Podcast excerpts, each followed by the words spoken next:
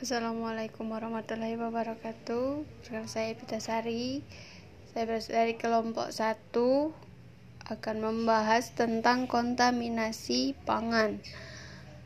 Kontaminasi makanan menurut Spart and Biden 1985 adalah kondisi ketidaklayakan makanan untuk dikonsumsi karena penyebab biologis, kimiawi, dan benda-benda fisik yang lain. Menurut Mohji 1992, perubahan yang terjadi pada makanan atau bahan makanan sehingga tidak layak lagi dimakan manusia. Kontaminasi silang Pencemaran kembali produk pangan yang sudah bermutu dan aman oleh cemaran-cemaran fisik, kimia, atau biologis. Jenis-jenis kontaminasi silang Satu biologis orang atau tenaga penjama makanan, mikroba seperti bakteri, virus, kapang, dan hamir, dan parasit. Hewan, tikus, kucing, lalat, dan ulat. Kontaminasi kimia, toksin, mikroorganisme, toksin bahan pangan, senyawa alergen. Bahan tambahan makanan atau BTM Cemaran seperti timbal, pestisida, kadmium, merkuri, dan residu. Fisik, kerikil, potongan kaleng atau kayu, dua, dua rambut, bulu, kuku, dan batu, tiga paku, plastik, potongan kaca, dan perhiasan. Cemaran yang selanjutnya adalah cemaran radioaktif seperti sinar alfa, sinar gamma, dan sinar kosmis. Dampak kontaminasi tersedak, keracunan makanan, dan kematian.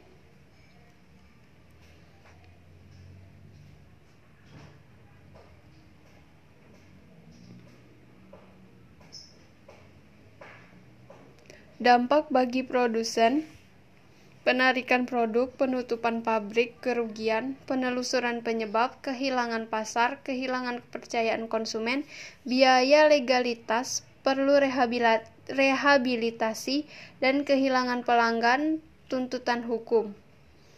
Keracunan makanan, infeksi, keracunan makanan dibagi menjadi dua yaitu infeksi Suatu penyakit diakibatkan oleh setelah mengonsumsi makanan atau minuman yang mengandung bakteri patogen timbul gejala-gejala penyakit. Intoksikasi keracunan yang disebabkan karena mengonsumsi pangan yang mengandung senyawa beracun, senyawa beracun alamiah, atau produksi oleh mikroba. Jenis mikroba Salmonella, bahan pangan, daging, dan produknya Sumber kontaminan manusia, ternak, unggas, dan telurnya tikus, lalat, kecoa, isi perut hewan. Gejala sakit perut, diare, demam, dan muntah setelah 12-36 jam setelah sakit kepala, demam tipus, dan paratipus. Clostridium botulinum, pangan kale, bahan pangan, pangan kaleng, daging ikan, jagung manis, bit, asparagus, bayam, dan ikan asap. Sumber kontaminan proses pengalengan yang tidak tepat. Gejala gangguan pencernaan akut, mual muntah, diare, dan mabuk sulit menelan dalam waktu 12 jam. Sistem saraf terganggu dengan gejala sulit nafas, sulit bicara, dan menelan. Kematian dapat terjadi dalam 3-6 hari.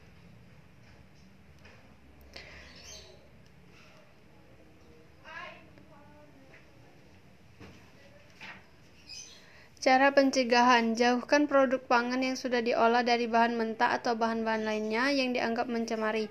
Jauhkan produk pangan yang sudah diolah dan mesin peralatan yang kotor. Hindari pencemaran oleh karyawan yang tidak bertugas di ruang pengolahan. 4.